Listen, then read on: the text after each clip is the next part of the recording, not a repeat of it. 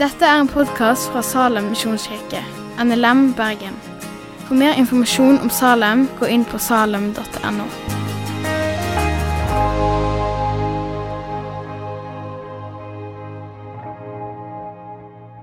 Herre Far, vi ønsker å legge Håkon i dine hender. Takk at uh, du legger ordene i hans munn. Takk for at eh, Håkon har sagt seg villig til å dele dine ord til oss i dag.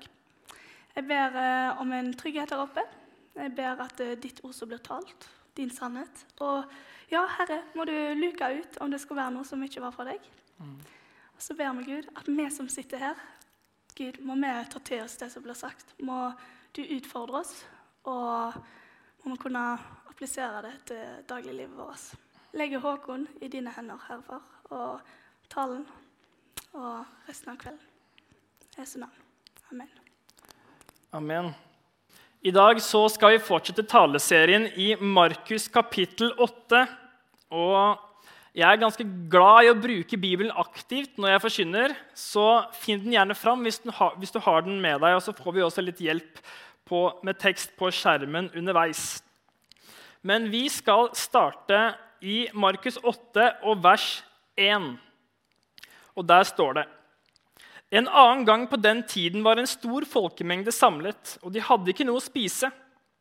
Da kalte disiplene Jesus til seg og sa, 'Jeg synes inderlig synd på folket.' 'De har alt vært med meg i tre dager, og de har ikke noe å spise.' 'Sender jeg dem sultne hjem, vil de bli helt utmattet på veien.' 'Og noen av dem kommer jo langveisfra.' Disiplene svarte, 'Hvordan kan noen skaffe brød til å mette alle disse her i ødemarken?' Han spurte dem, 'Hvor mange brød har dere?' Sju, svarte de.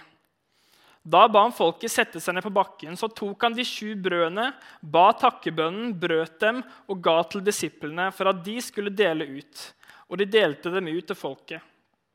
De hadde også noen småfisk. Han velsignet dem og sa at også de skulle deles ut. Og de spiste og ble mette. Etterpå samlet de opp brødstykkene som var til overs, sju store kurver. Det var omkring 4000 mennesker der, og han, lot, og han lot dem dra hjem. Straks etter gikk han i båten sammen med disiplene og kom til traktene ved Dalmanuta. Denne historien her, det er kanskje den historien som jeg tenker har havna mest i skyggen av en annen kjent bibelhistorie, nemlig sin storebror Jesus metter 5000. Og For dere som kjenner denne historien, her, så har dere kanskje lagt merke til at det er jo en del likheter og likevel noen sånne detaljer som er forskjellige her. Er det sånn at dette her egentlig bare var samme historie, og at man bare har miksa litt med tallene og detaljene? Vi ser i begge historiene at Jesus han får inderlig medfølelse for folket. Folket hadde kommet langveisfra uten mat. Disiplene lurte på hvor de skulle få tak i mat. Det var noe fisk og det var noe brød. Jesus velsigna maten, folket ble mette, og etterpå så drar Jesus opp i båten og drar på båttur på Genesaretsjøen. Det er ganske mange likheter med andre ord. Men likevel så er jeg ganske sikker på at dette her var to forskjellige under som Jesus gjorde. En av grunnene det er at vi allerede har lest om at Jesus metta 5000 i Markus kapittel 6. Så i hvert fall for Markus så var det tydelig at, tydelig at dette her var to forskjellige historier. Og så er det noen detaljer som skiller. da. Eh, og det er blant annet I vår historie så var det der tre dager, ikke én. Det var snakk om 4000 mennesker, ikke 5000. Sju brød og ikke fem. Noen småfisk og ikke to fisk. Og brødstykkene havnet i sju kurver og ikke i tolv kurver, slik som da han metta 5000. Eh, for et par eh, uker siden var Mathias menighetsutvikler her i Salem og talte. Og Da sa han at han studerte gresk og lurte på om dere ville ha litt mer gresk i talene. Og Da var det noen som responderte at det ville dere ha. Eh, og Jeg går også i greskklassen til Mathias, og da tenkte jeg at dere skulle få en liten sånn greskdetalj her nå i starten. Eh, og det er at ordet som brukes om kurv i Jesus som heter 5000 og Jesus som heter 4000, det er forskjellig. Når Jesus som heter 4000, så brukes ordet spyris, og når Jesus metter 5000, så brukes ordet kopinos. Og så kan man jo tenke ja, men det er kanskje bare helt tilfeldig. Men den samme distinksjonen den ser vi også i Matteus, for der har vi både historien om at Jesus metter 5000 og 4000. Og I tillegg, i en tekst som vi skal se litt senere på i Markus etterpå, så spør Jesus disiplene sine Husker dere hvor mange kurver fulle med brødstykker dere samlet opp da jeg brøt de fem brødene for de 5000? Da bruker Jesus ordet kopinos. Og så spør han like etterpå hvor mange kurver fylte dere med brødstykker for de 4000? Da bruker Jesus ordet spyris. Så jeg tror også, hvert For Jesus så tenkte han at dette her også var to forskjellige historier. Og De brukte i hvert fall to ulike typer kurver. Og Den som de brukte med 4000, det var en ganske mye større kurv. For Det er det samme ordet som brukes som den kurven som apostelen Paulus ble firt ned fra ned langs en mur i apostelgjerningene. Så det var ikke så rart at, de ikke fikk plass, eller at det bare var sju kurver de klarte å fylle opp den gangen, og ikke tolv. Eh, vi skal gå videre til vers 11, og der står det Fariseerne kom og ga seg til å diskutere med ham for å sette ham på prøve. Ba de ham om et tegn fra himmelen. Da sukket han dypt og sa, 'Hvorfor krever denne slekten tegn?' Ald men sannelig, jeg sier dere, aldri skal denne slekten få noe tegn. Dermed gikk han fra dem, steg i båten igjen og dro over til den andre siden. Her ser jeg for meg at Jesus han sukker dypt. Han er litt oppgitt over disse fariseerne. Er det mulig? Hva slags tegn krever dere? Hvor mye mer forventer dere å se? Allerede i Markusevangeliet har Jesus drevet ut onde ånder. Han har helbreda spedalske, helbreda lamme, stilt stormen, gått på vannet, metta 5000 4000. En kvinne med blødninger ble frisk, ei jente ble levende. Og Syke ble friske bare ved å ta på kappefliken til Jesus. Stumme kunne snakke, og døve kunne høre. Hva mer forventer de? Og Det er tydelig på Jesus sin respons at han blir litt oppgitt over fokuset til fariseerne, som prøvde å ta ham, som prøvde å utfordre ham på en dum måte. For Jesus selv om han gjorde mange tegn og under, så var ikke Jesus først og fremst en mirakelpredikant. Jesus tok ikke opp mirakler på bestilling. Når Jesus gjorde tegn, så gjorde han det ikke bare for tegnet sin skyld, men det skulle alltid peke tilbake på han, og ofte på en større hensikt. Hvis vi ser på parallellteksten her i Matteus kapittel 16, så ser vi likevel at Jesus modererer seg litt. Da sier han faktisk jo det er ett tegn dere skal få, denne onde og utro slekten. Og de skal få Jonategnet. Og så forklarer ikke Jesus det noe mer her. Det er fordi at Jesus allerede har forklart dette til fariseerne tidligere i Matteusevangeliet, i kapittel 12 og vers 40. Eh, og Der står det at Jonategnet det er at for slik Jonah var i buken på den store fisken i tre dager og tre netter, slik skal menneskesønnen være i jordens dyp i tre dager og tre netter. Altså Det tegnet som de først og fremst skulle få, det var at Jesus skulle dø og stå opp igjen på samme måte som Jonah var i buken til fisken i tre dager og tre netter og kom ut igjen. Med andre ord, det tegnet som fariseerne først og fremst skulle få lov å se, var Jesu død og oppstandelse. Og Det er ikke første gang i Bibelen at folk ikke catcher helt den greia her med at Jesus gjør tegn og søker Jesus på feil premisser. Vi kan ta en tur til Johannesevangeliet, kapittel 6. Dette er like etter Jesus har metta de 5000. Og Da ser vi det at folket som hadde fått denne maten, her, de var ganske fornøyde. Så De hadde lyst til å søke Jesus, men ikke fordi de hadde sett dette tegnet, ikke fordi de hadde lyst til å tro på Jesus, først og fremst, men fordi de hadde fått gratis mat, og de ble mette. Og så sier Jesus um, at um, dere søker ikke meg fordi dere har sett tegn, men fordi dere spiste av brødene og ble, ble mette.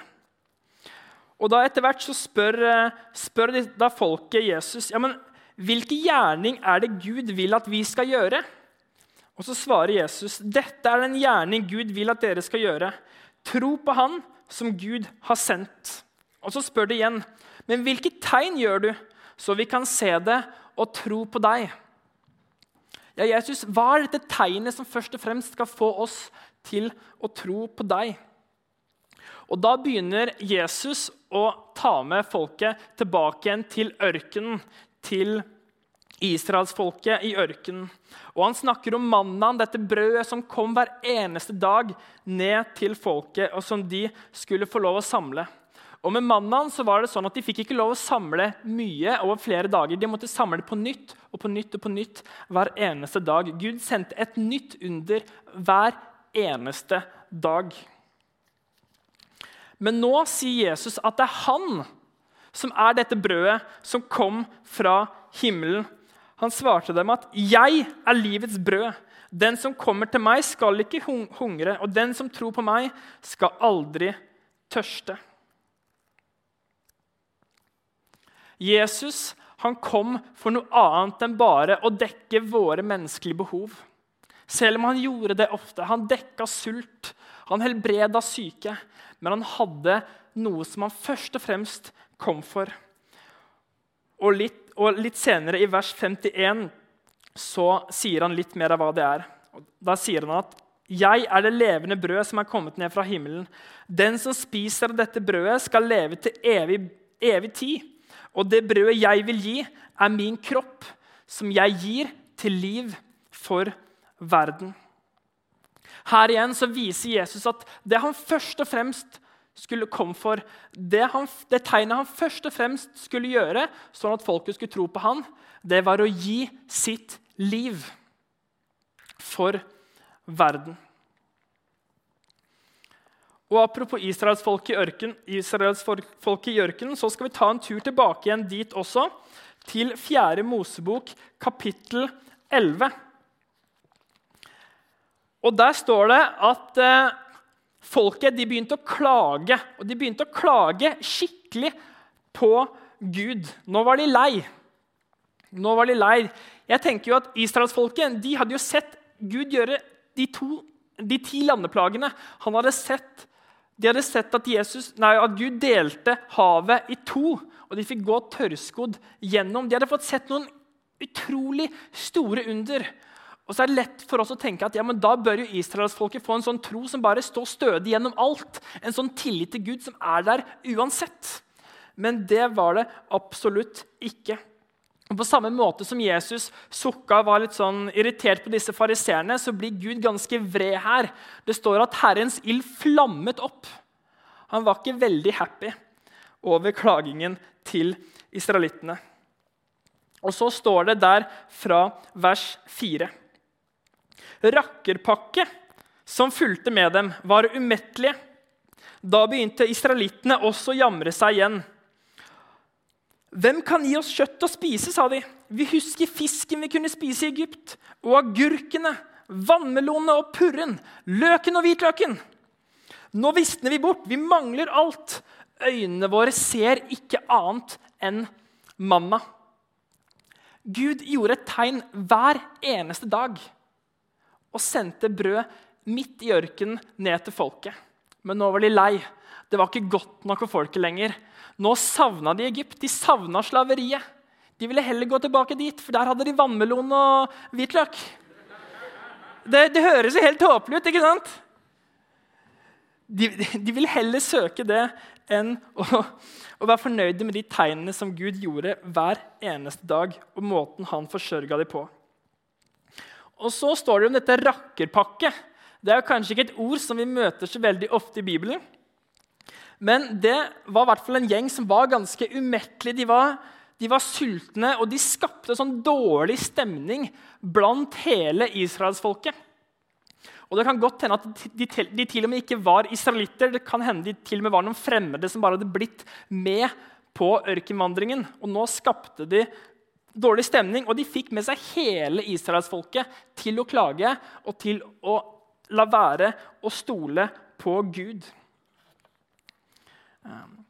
Og På mange måter så kan vi si at dette rakkerpakket det var som en, sånn, som en slags surdeig for israelsfolket. Surdeig er et bilde som brukes ofte i Bibelen på å snakke om noe litt sånn usynlig, litt sånn lite, som til slutt bare gjennomsyrer alt. Ofte på en veldig negativ måte. Rakkerpakke, deres surdeig, gjennomsyra hele israelsfolket. Så de slutta å stole på Gud og heller ville tilbake til slavehuset. Vi skal gå tilbake igjen til eh, Markus 8. For fariseerne hadde også en slags surdeig. Vi leser videre fra vers 14. Men disiplene hadde glemt å ta med brød. De hadde bare ett eneste brød med seg i båten. Jesus ga seg til å advare dem og sa, 'Pass dere og hold dere unna fariseernes surdeig og surdeigen til Herodes.' Men seg imellom snakket de om at de ikke hadde brød. Her prøver Jesus å lære disiplene noe ganske viktig. Han prøver å advare dem mot denne vranglæren som fariseerne og Herodes kom med. Og jeg tenker det at Hvis Guds egen sønn advarer oss om noe, så bør vi ta det på alvor. Men disiplene som sitter i båten her, de bryr seg bare om at de bare har ett brød igjen.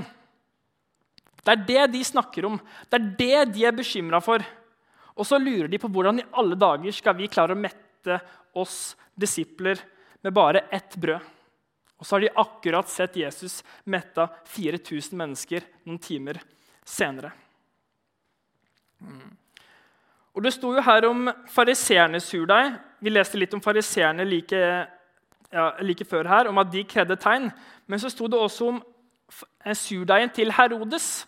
Og Herodes var også en sånn type som søkte Jesus pga. Jesus sine tegn. I Lukas 23, 23,8 så står det Da Herodes fikk se Jesus, ble han svært glad. Han hadde i lang tid ønsket å få se ham, for han hadde hørt om ham. Nå håpet han å få se et tegn av ham. Herodes hadde lyst til å se en sirkusartist som kunne bare utføre massevis av spektakulære ting. Det var derfor Herodes ville se Jesus. Og Da lurer jeg på til dere Hvorfor søker du Jesus? Hvorfor er det du søker Jesus? Hvorfor er det du gleder deg over Jesus? Er det fordi han kan gjøre disse tegnene? Er det fordi han kan gi deg alt hva han kan gi deg, alt hva han kan prestere for deg? Eller kan det hende at du av og til søker Jesus på litt feil premisser, sånn som fariseerne og Herodes gjorde? Det er i hvert fall tydelig at for Jesus så er dette ganske alvorlig. For Jesus sin respons til disiplene er ganske brutal.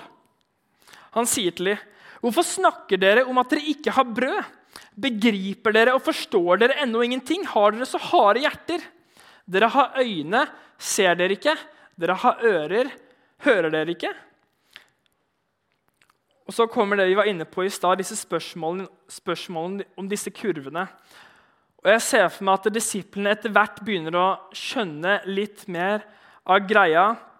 Og når Jesus spør dem ja, hvor mange kurver fulle med brødstykker var det da dere samlet opp brød fra de fem Eh, da dere eh, samlet opp da jeg brøt de fem brødene for de 5000. Og Jeg ser for meg at alle disiplene står der med bøyd hode og litt sånn rolig svarer til Jesus. Jo, Jesus, det var tolv.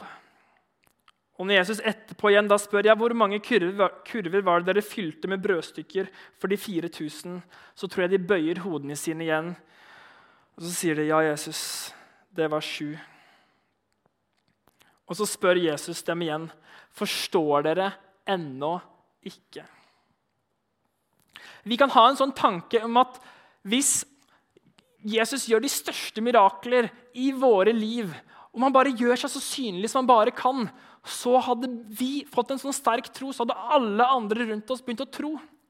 Men Bibelen viser så mange ganger at det ofte ikke holder. Disiplene glemte det etter bare noen timer. At Gud kunne forsørge dem, at Gud kunne gjøre et stort under for dem. Jesus ønsker at vi skal kunne ha en sånn tillit til han. Sånn at når vi sitter i vår båt med ett brød igjen og lurer på hvordan vi skal bli mette, så ønsker han at vi likevel skal kunne stole på at Jesus han kan forsørge oss, han kan gjøre et nytt mirakel. Vi skal også se bitte litt på noen av de andre tekstene. også. De henger jo veldig tett sammen. disse her, og Det er ganske utfordrende tekster. Kanskje noen av dere syns det til og med er litt ubehagelig å høre på. Og jeg liker litt når det er litt ubehagelig å høre på. Um, men jeg håper at uh, det går greit med dere. Men like etterpå her, når de kommer i land da, etter denne båtturen her, så er det en historie som jeg først tenkte at er veldig malplassert. Det står om en blind mann som blir ført fram til Jesus. Um, og Så tar Jesus og spytter i hendene sine og så gnir han de øynene på denne mannen. her. Uh, og Så blir han ikke helt helbreda med en gang. Det står at Han begynte, å skimte noen trær. og Han begynte å se litt. Og Så tar Jesus og legger hendene på øynene hans en gang til og så blir han helt frisk. Og jeg synes Det er en litt rar historie. Hvorfor blir han ikke frisk med en gang? Det har vi jo sett mange ganger også i Markus-evangeliet, at det skjer veldig momentant. Men jeg tror at det underet som Jesus gjør her, også prøver å lære disiplene noe. Like før så hadde Jesus sagt til disiplene som hadde øyne, 'Hvorfor ser dere ikke?' Og like etterpå så åpner han øynene på en blind mann. Og på samme måte som denne mannen her ikke så det klart med en gang, han fikk synet litt etter litt etter litt, så var det også sånn med disiplene sin forståelse av hvem Jesus var. De catcha ikke greia med en gang. Med en gang. De forsto litt og litt og litt og litt og litt mer. Og Det ser vi i de neste versene. For Der står det Jesus og disiplene dro ut til landsbyene ved Cesarea Filippi. På veien spurte han disiplene, 'Hvem sier folk at jeg er?' De svarte, 'Døperen Johannes.' Men noen sier Elia, og andre en av profetene. Og dere spurte han, 'Hvem sier dere at jeg er?' Da svarte Peter, 'Du er Messias.' Men han forbød dem strengt å snakke om han til noen. Her så er det første gangen at Jesus blir bekjent som Messias. Som den han var kommet som. Men selv om Peter skjønte hvem Jesus var, så skjønte han ikke helt hva det innebar. Han, hadde ikke forstått helt hva det innebar at Jesus faktisk var Messias. Han hadde begynt å skimte noen trær, han hadde fått åpna synet sitt litt. Men han hadde enda ikke sett helt klar. Han forståelse av Messias var ikke sånn Jesus sin forståelse av Messias var. Og Det ser vi i de neste versene. For Da begynte Jesus å lære dem. Menneskesønnen må lide mye og må bli forkastet av de eldste, overprestene og de skriftlærde. Han skal bli slått i hjel og tre dager etter skal han reises opp. Og dette sa han i åpenhet. Er det ikke litt interessant å se at kontrasten mellom når Jesus prøvde å skjule noe Han prøvde å skjule at, Jesus, at han var Messias, men at det at han skulle lide, det sa han i åpenhet. Både disiplene og fariseernes og jødenes tanke om hvem Messias var, var en slags politisk frigjører som skulle seire og skulle komme med makt. Men Jesus kom som en lidende tjener på en helt annen måte. Og Dette her, det kunne ikke Peter tolerere. Peter tar Jesus til side og irettesetter ham. Og Jesus blir ganske direkte tilbake som vi har sett at Jesus er i dette kapitlet, og sier, 'Vik bak meg, Satan'. Du har ikke tanke for det mennesket vil. Du har, nei, du har ikke tanke for det Gud vil, du har tanke for det mennesker vil. Og det tror jeg vi også kan ha, vi som følger Jesus den dag i dag. Jeg tror at Selv om vi kan si veldig mye riktig om Jesus, så tror jeg heller ikke vi alltid ser hele bildet. Vi er litt som denne blinde mannen som skimter noen trær der ute. Vi har kanskje ikke lyst til å tro på den Jesus som Bibelen forteller om. Vi har kanskje litt lyst til å tro på den Jesus som vi ønsker at Jesus, ønsker at Jesus skal være. Det var i hvert fall sånn Peter gjorde. Han bekjente at Jesus var Messias, ja, og det var helt sant. I parallellteksten i eh, Matteus 16 så svarer til og med Jesus at salig er du, Simon, sønn av Jonah, for dette har ikke kjøtt og blod åpenbart for deg, men min far i himmelen. Og Peter får nøklene til himmelriket, står det. Og like etterpå så faller det han pladask ned og innser at hans forståelse av hvem Messias virkelig var, var helt feil. Og Her igjen så ser vi dette her som Jesus allerede snakka om. Jonategnet. At han skulle dø og stå opp igjen. Det var derfor han kom. Vi ser det fra Johannes. Folket som søkte Jesus fordi de hadde blitt mette, men Jesus som ville gi dem livets brød. Det brødet som skulle vare i all evighet. Og Jeg skulle gjerne gått mer inn på dette med Jesus sin død og lidelse, men jeg er såpass heldig at jeg kommer tilbake igjen her som taler i slutten av november. Eh, og Da skal vi gå inn i lidelsen i kapittel 14 og 15, så det blir spennende. Men helt til slutt så har jeg lyst til å bare ta opp det siste avsnittet her. For det er kanskje noe av det mest utfordrende som Jesus sier til sine disipler. For der står det Om noen vil følge etter meg, må han fornekte seg selv, ta sitt kors opp og følge meg. For den som vil berge sitt liv, skal miste det. Men den som mister sitt liv for min skyld og for evangeliets skyld, skal berge det. I Guds rike er ting snudd opp ned. Hvis vi skal få livet, så må vi miste det. Det er snudd opp ned. Hva gagner et menneske om det vinner hele verden, men taper sin sjel?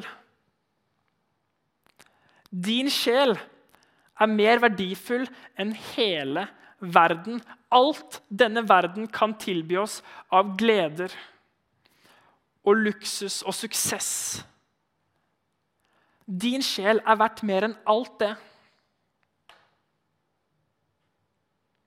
Og så står det det siste verset i kapittelet, som kanskje jeg syns personlig er det mest utfordrende verset i hele dette kapittelet. For den som skammer seg over meg og mine ord i denne utro og syndige slekt, skal også menneskesønnen skamme seg over når han kommer i sin fars herlighet sammen med de hellige engler. Jeg har ikke lyst til at når Jesus sitter på sin trone, at han skal skamme seg over meg. Men her så står det faktisk at det kan han gjøre. Hvis vi skammer oss over han, og over hans ord i denne utro og syndige slekt. Og Da kan vi spørre oss opp. Vi kan prøve å se på verdien her. Vi, at, vi har hørt at vår sjel er mer verdifull enn noe annet. Er vi villige til å bytte bort det mot å tilfredsstille en utro og syndig verden vi lever i? Er vi villige til å bytte bort en evig herlighet sammen med Jesus mot å oppnå suksess og anerkjennelse og tilfredsstillelse i denne syndige og utro slekten? Det er et utfordrende spørsmål. For jeg tror mange her, og meg selv inkludert, av og til kjenner på at de faktisk skammer oss over Jesus. Og Jeg skulle gjerne likt å gå enda dypere inn i det, men eh, vi tar ikke tid til det nå. Men det er tydelig i dette kapittelet her, i Markus 8 at Jesus utfordrer oss. Han stiller mange spørsmål til disiplene sine. Han stiller 15 spørsmål til dem. Han utfordrer dem. Og jeg tror Jesus utfordrer oss også. Fordi Jesus bryr seg om hvordan vi lever livene våre, og han bryr seg om at vi som er hans disipler, faktisk følger han. Jeg tror jeg bare må be Gud om hjelp. Kjære Gud. Du ser eh, dette kapittelet her, dette ordet ditt, som er så krevende, så vanskelig. Og du ser det er sikkert mange her som kjenner det litt ubehagelig å høre til disse ordene her, for vi kjenner oss kanskje berørt. Vi kjenner at det stikker litt. Det er ubehagelig på samme måte som det var ubehagelig for dine disipler. Jesus. Men jeg ber om at vi her i Salem må få samme bekjennelse som Paulus. At jeg skammer meg ikke over evangeliet, for det er Guds kraft for hver den som tror. Herre, hjelp oss å ha tillit til deg og stole på at ingenting er umulig for deg. Når vi bekymrer oss over de små tingene i livet vårt, så må vi minnes om det du allerede har gjort, Herre. Hjelp oss å stole på deg. Hjelp oss å gi livene våre over til deg. Hjelp oss å bære vårt eget kors og følge deg. Det er krevende, det er vanskelig. Men du er med oss. Hjelp oss å stole på det. I ditt allmektige navn. Amen. Takk for at du har hørt på podkasten fra Salem, Bergen. I Salem vil vi vinne, bevare, utruste og sende. Til Guds ære. Vi ønsker å se mennesker finne fellesskap, møte Jesus og bli disippelgjort her i Bergen og i resten av verden. Vil du vite mer om oss, gå inn på salem.no.